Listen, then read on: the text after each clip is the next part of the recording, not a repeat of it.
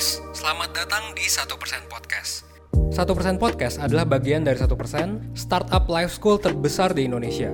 Dalam podcast ini kita bakal ngebahas topik-topik seputar kesehatan mental, pengembangan diri, serta edukasi life skills dengan tamu yang handal di bidangnya.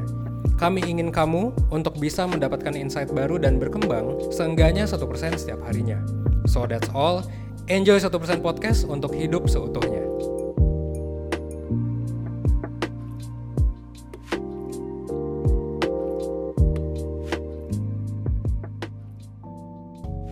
Perseners, balik lagi di podcastnya satu persen dan kebetulan hari ini tuh cukup keren nih kita ngobrol-ngobrol ya sama partner satu persen dari Kinderhute. Uh, semoga aku menyebutkan agak salah. Tapi dengan Kinderhute dan dari pihak Kinderhutenya sendiri nih ada psikolog super keren namanya Kak Zahra. Ah, halo Kak Zahra. Halo Kak Yuni. Halo, boleh dikenalin dulu Kak Kinderhood itu apa? Kakak siapa? Supaya personal saya dengar nggak bingung. Oke, terima kasih personal semua. Perkenalkan saya Zahra, saya psikolog dari Kinderhute. Kinderhute adalah salah satu biro psikologi yang based kantornya adalah di Tangerang Selatan. Nah, tapi kami juga ada layanan online, jadi sebenarnya saya sebagai co-founder sekaligus psikolog, domisili saya ada di Semarang, gitu. Nah, Kinderhute, mungkin ada pertanyaannya ya, Kinderhute itu apa sih? Kenapa kok namanya Kinderhute begitu?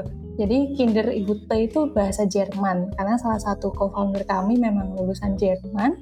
Kinder artinya anak, dan Hute itu pondokan. Jadi harapannya Kinderhute ini bisa jadi tempat singgah begitu buat anak-anak, tidak hanya anak sebagai anak ya, ya semuanya sampai individu dewasa juga untuk berproses dan kemudian ketika sudah healing bisa kembali lagi ke rumah mereka masing-masing.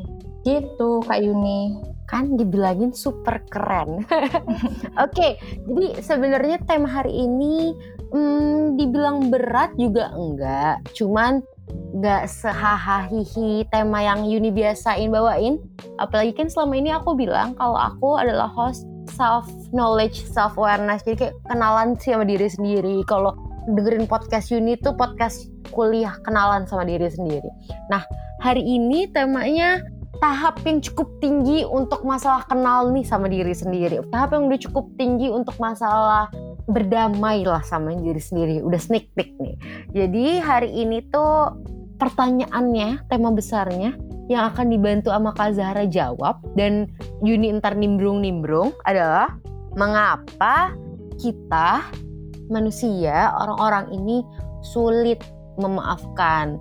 Nah, mungkin berat banget ya personers kayak pasti personers denger ini udah kayak mikir maafin apa nih apakah kalian langsung mungkin flashback flashback tentang ketika marah sama orang atau ketika marah sama diri sendiri pasti ada lah ya kayak gitu.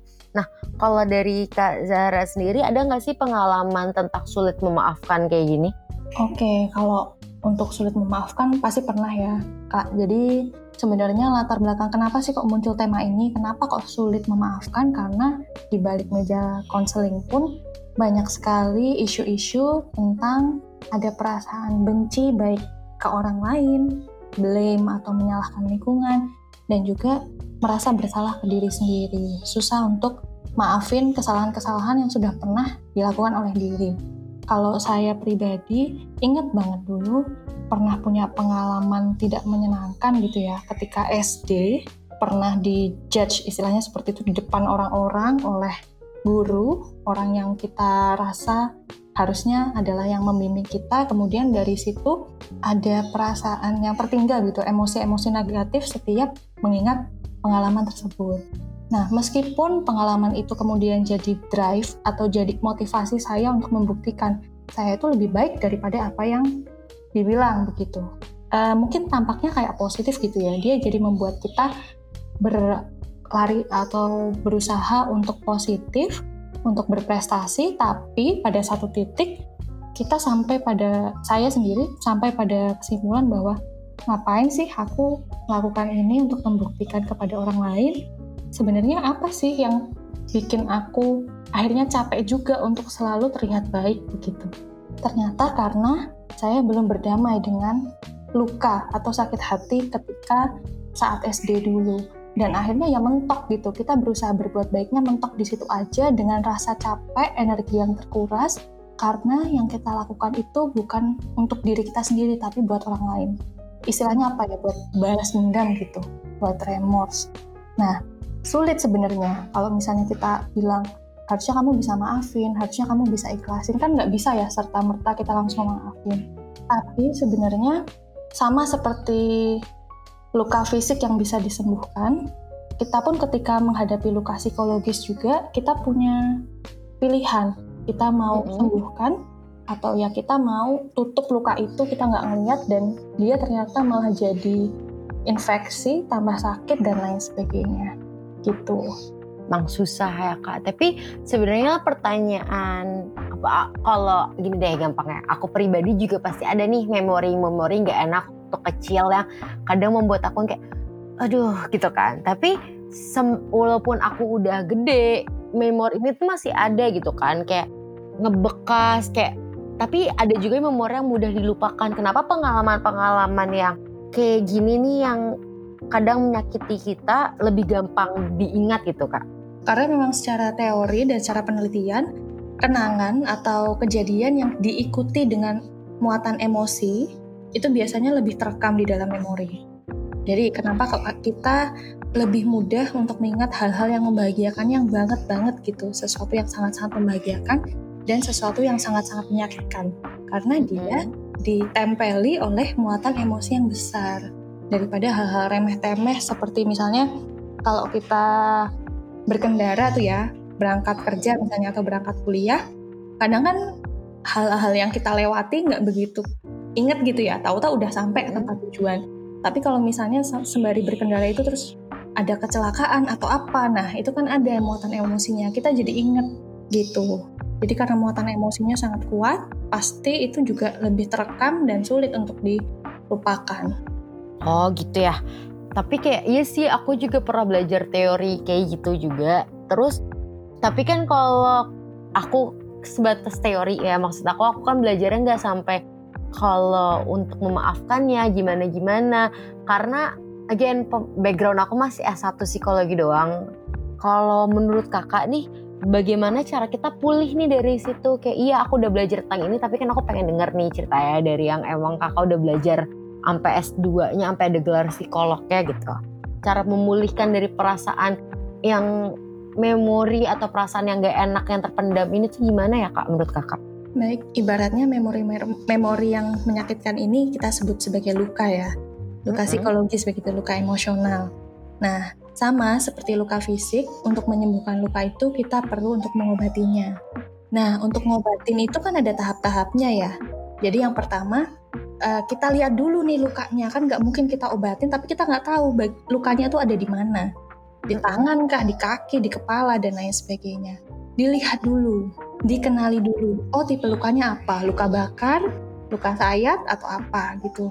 Nah baru setelah itu kita bersihkan kemudian kita beri obat yang sesuai dengan lukanya begitu. Effortnya juga sesuai dengan uh, jenis-jenis lukanya. Sama juga kayak kalau luka psikologis dia susahnya adalah karena nggak terlihat. Maka yang kita butuhkan adalah coba buat mindful atau benar-benar coba buat diri ini menyadari sebenarnya yang aku rasakan itu apa sih. Nah, merawat luka itu e, caranya adalah kita dengan berani lihat dan mengamati luka tersebut.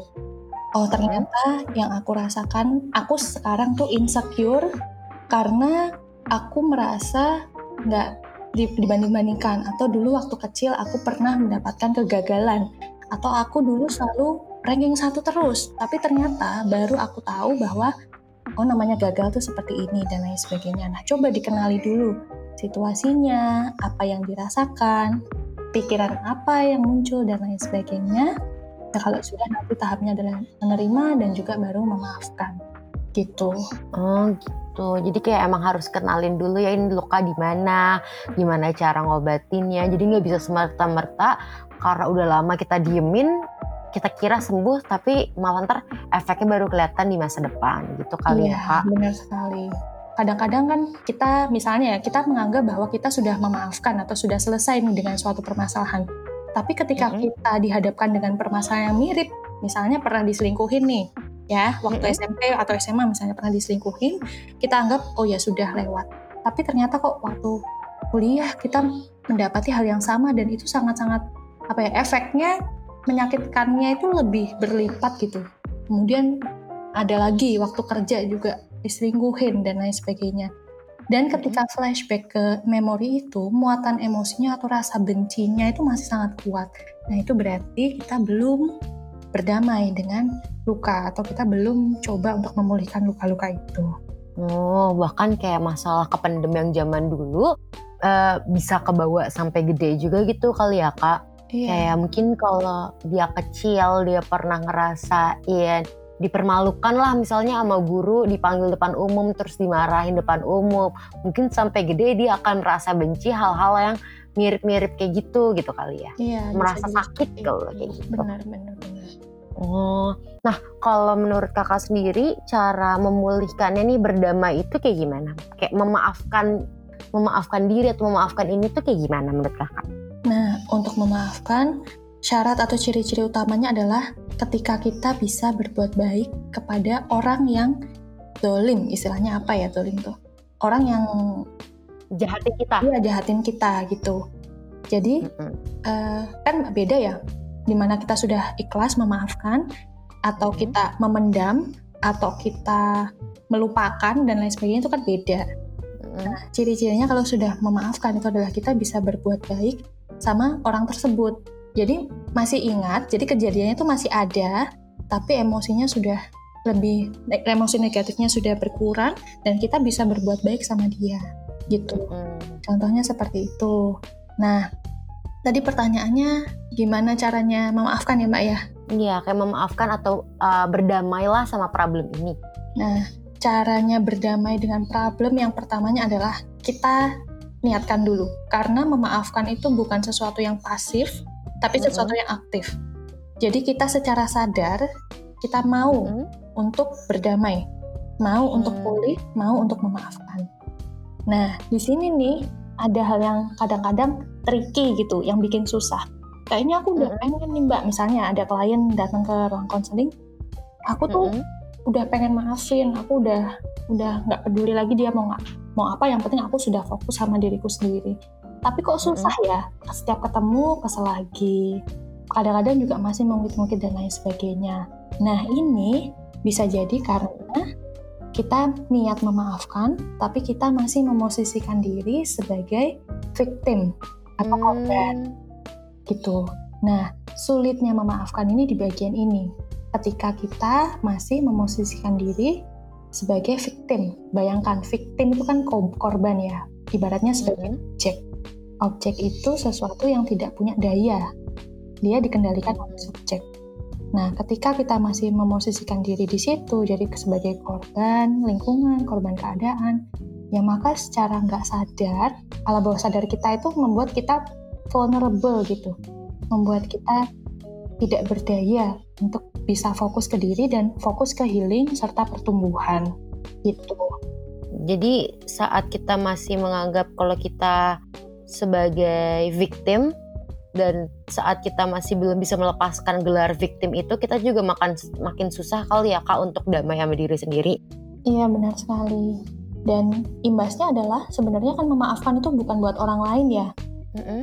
bukan ketika memaafkan kita kalah dan mereka menang begitu.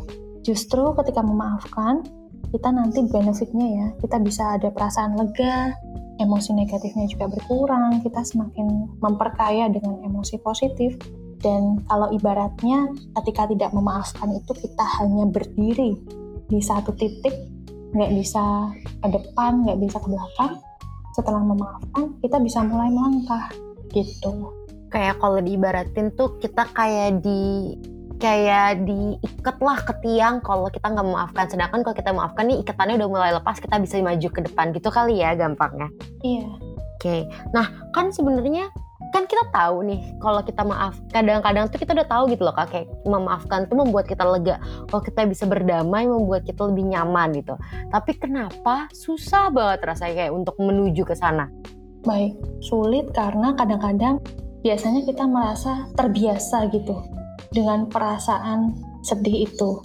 Terbiasa dengan perasaan benci. Jadinya kita ngulang-ngulang terus nih kenangan itu.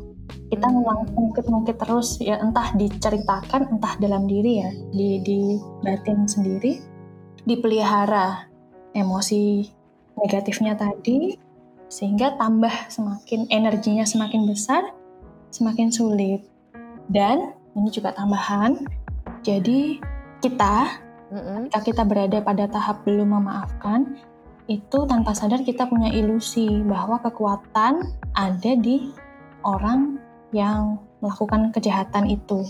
Dan kita merasa bahwa yang bertanggung jawab mereka. Mereka pula yang bertanggung jawab untuk mengembalikan kita ke kondisi yang lebih baik atau sebelum itu. Nah ini aku tahu nih ada teorinya. Padahal kita harusnya fokus ke apa yang bisa kita ubah dan apa yang kita bisa kuasain, apa yang bisa kita kontrol. Itu ACT terapi apa-apa gitu ngomongin soal ini. Kalau buat personers yang pengen cari tahu, pengen baca mungkin bisa kayak kalian tuh kalau bener sih katanya Kak Zara kadang kenapa kita nggak maafkan? Karena kita merasa mereka yang bertanggung jawab untuk minta maaf ke kita atau mereka yang bertanggung jawab untuk melakukan sesuatu hal supaya kita lebih damai. Tapi kan kita nggak bisa ngekontrol orang lain ya kak ya. Kita cuma bisa kontrol diri sendiri dan perilaku kita terhadap diri sendiri eh, dan perilaku kita terhadap lingkungan kita. Nah tapi itu mulainya susah banget gitu kak. Iya pasti susah. Jadi kadang-kadang ya kalau saya bilang ke klien-klien sulit memang, tapi itu bukan berarti tidak bisa. Nah kadang-kadang kita pengennya yang namanya maafin atau kita pulih atau bertumbuh pengennya itu langsung cepat gitu kan, kayak obat misalnya. Uh, sakit panas terus dikasih obat obat demam gitu dua hari langsung sembuh. Nah padahal mm-hmm. coba bayangkan berapa lama kita memendam luka perasaan itu, kita punya luka itu berapa lama maka dari itu ketika mau pulih pun mau memaafkan ya nggak cuma sekedar sim salabim atau kayak uh, masuk bengkel gitu, masuk posisinya rusak keluar udah bener enggak. Kita perlu apresiasi sekecil apa pun progres yang ada di diri. Misalnya tadi, tadinya sulit untuk kita lihat lukanya, sulit untuk mengingat-ingat. Tapi ketika kita mengambil satu langkah, coba deh aku eval, aku lihat lagi kejadian itu saat itu situasinya bagaimana, ada siapa saja, apa yang aku rasakan.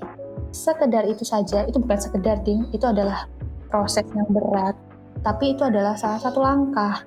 Dan itu perlu diapresiasi. Kadang kita tuh too hard on ourselves gitu.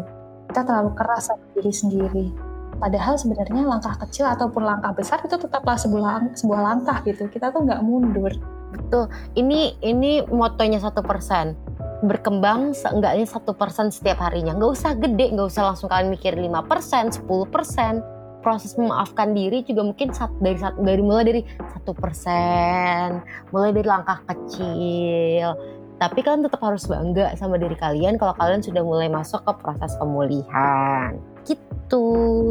Nah, uh, aku mau promosi dikit di sini karena apa konten satu persen kalau nggak ada promosinya kan apalagi kontennya Yuni kalau nggak ada promosi mm-hmm. kalau kalian merasa susah dan butuh curhat dan butuh ngobrol sama orang-orang nah satu persen tuh punya konseling sama mentor dan sama psikolog. Kalau sama mentor tuh mungkin lebih problem sehari-hari sama lulusan S1 psikologi yang emang diajarin cara jadi teman curhat yang baik istilahnya kalau sama konseling sama psikolog itu sama psikolog mitra satu persen yang emang lebih ke hal-hal yang mengganggu kesehatan mental kalian yang sudah dianggap berbahaya gitu. Jadi kalau kalian penasaran, klik aja link yang ada di description box atau kunjungin satu persen.net.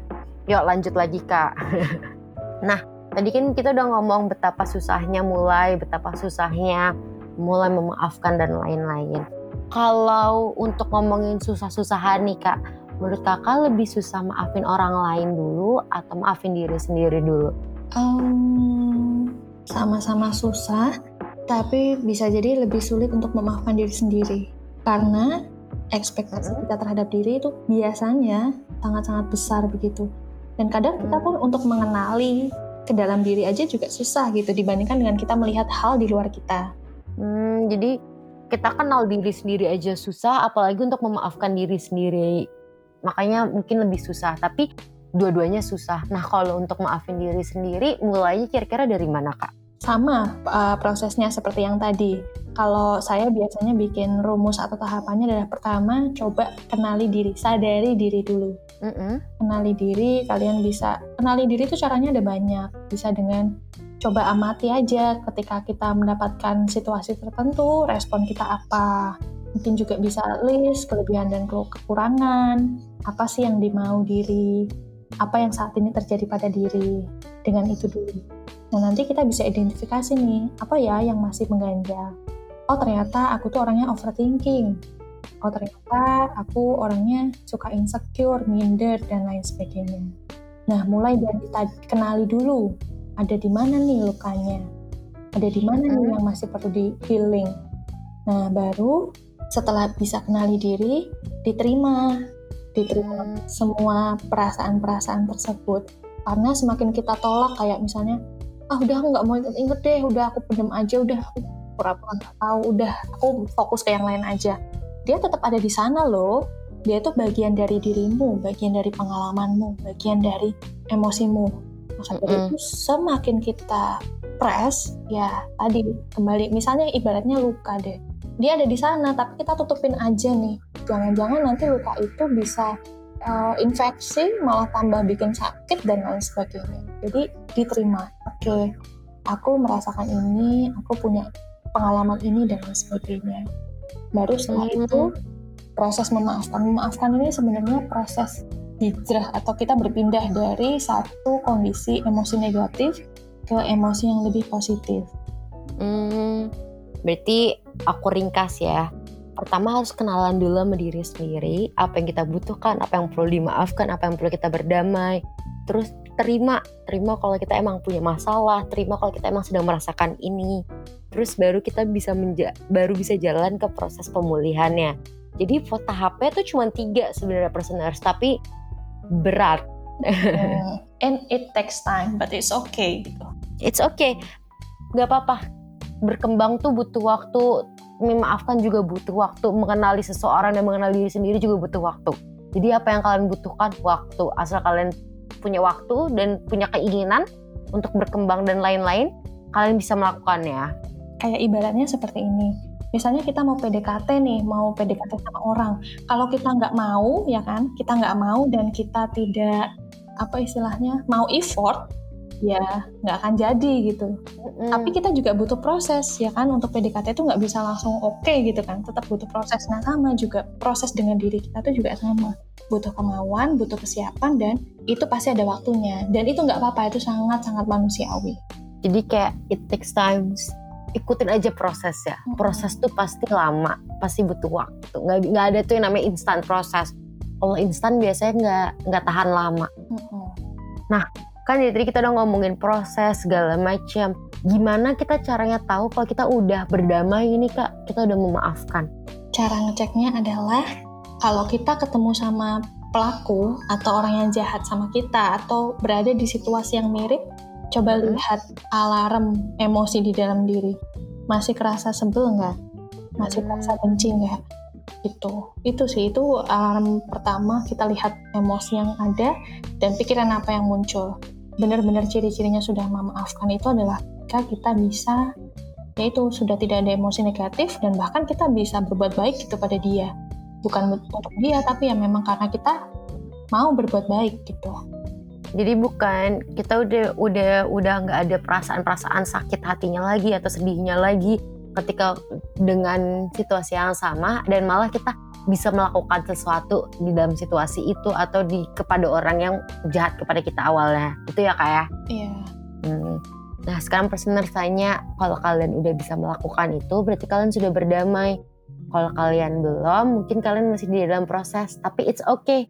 Proses takes time dan itu worth it kok kalau kalian sudah bisa berdamai. Rasanya tuh lega ya kak.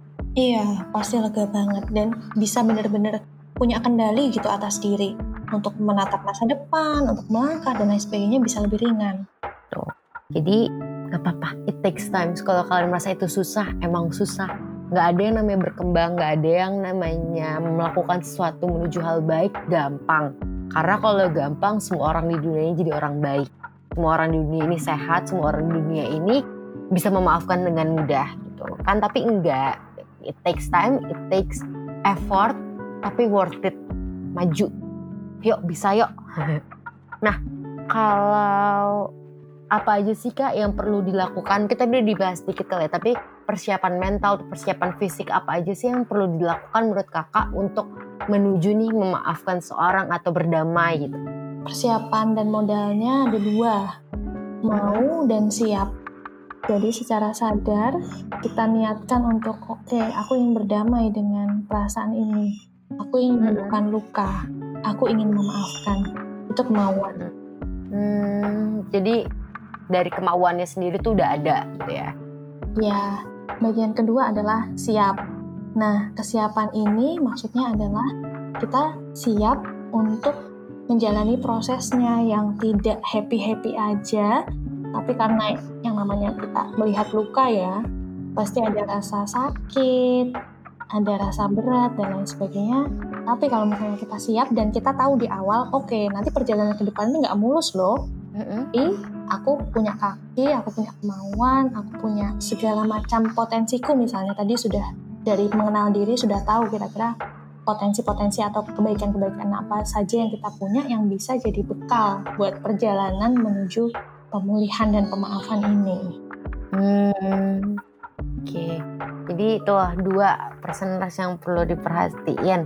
Yang pertama ada kemauan, yang kedua udah siap untuk menjalani proses-proses ini.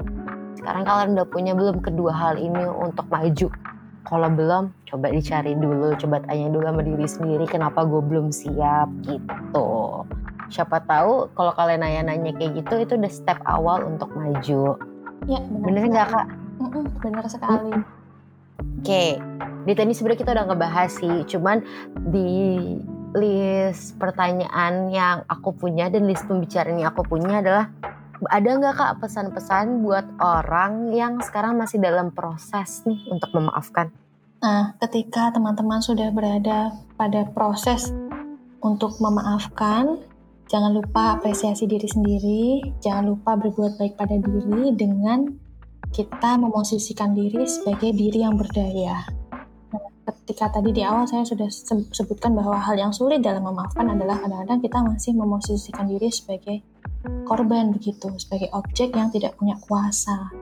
Padahal kita sebagai manusia diberikan kebebasan untuk memilih loh, memilih untuk uh, sembuh atau memilih untuk healing atau hmm. memilih untuk tetap punya sakit hati atau ingin balas dendam dan lain sebagainya.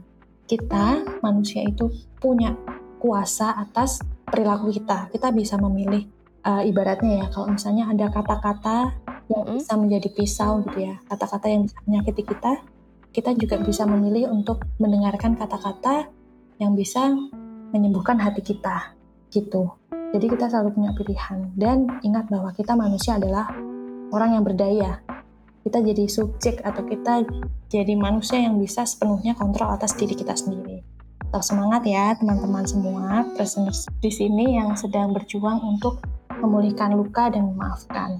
Betul. Nah tadi uh, ada juga yang mungkin sekarang mikir, aduh aku udah lama banget nih prosesnya, kayak aku stuck cuma di proses doang, belum sampai garis finish.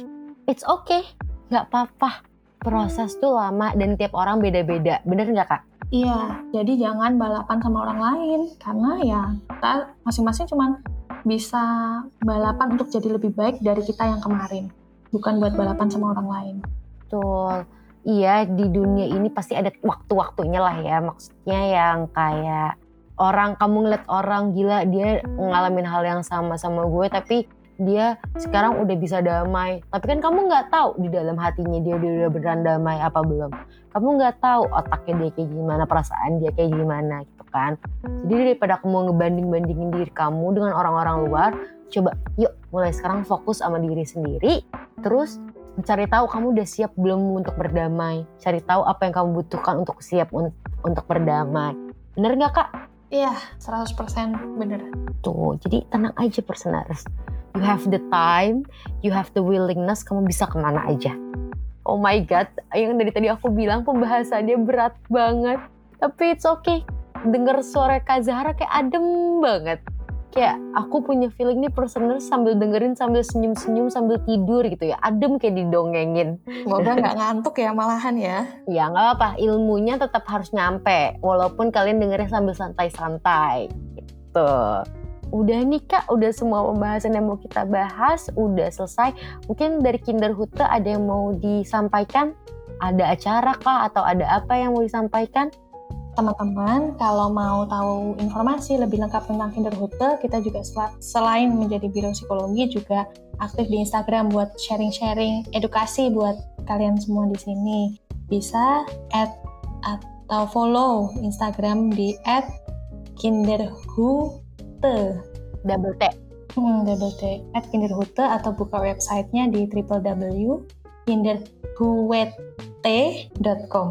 Hmm, tuh kalau kalian mau ngeliat lagi atau mau denger lagi orang-orang keren kayak Kak Zahra yang kalau ngomong lemah lembut, menyenangkan, adem dengernya, langsung kunjungin aja at kinderhute double T di Instagram atau websitenya www.kinderhute.com.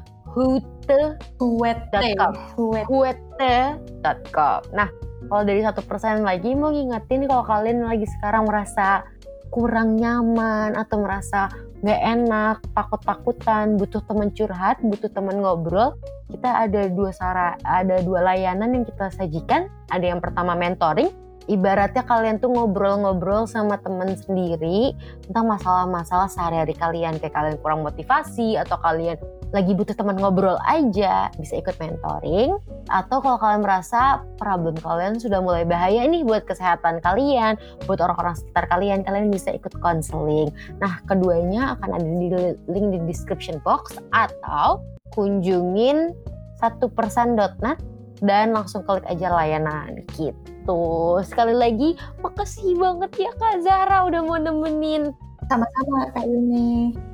Kita recordingnya sore-sore, jadi udah mau nemenin sore aku hari ini.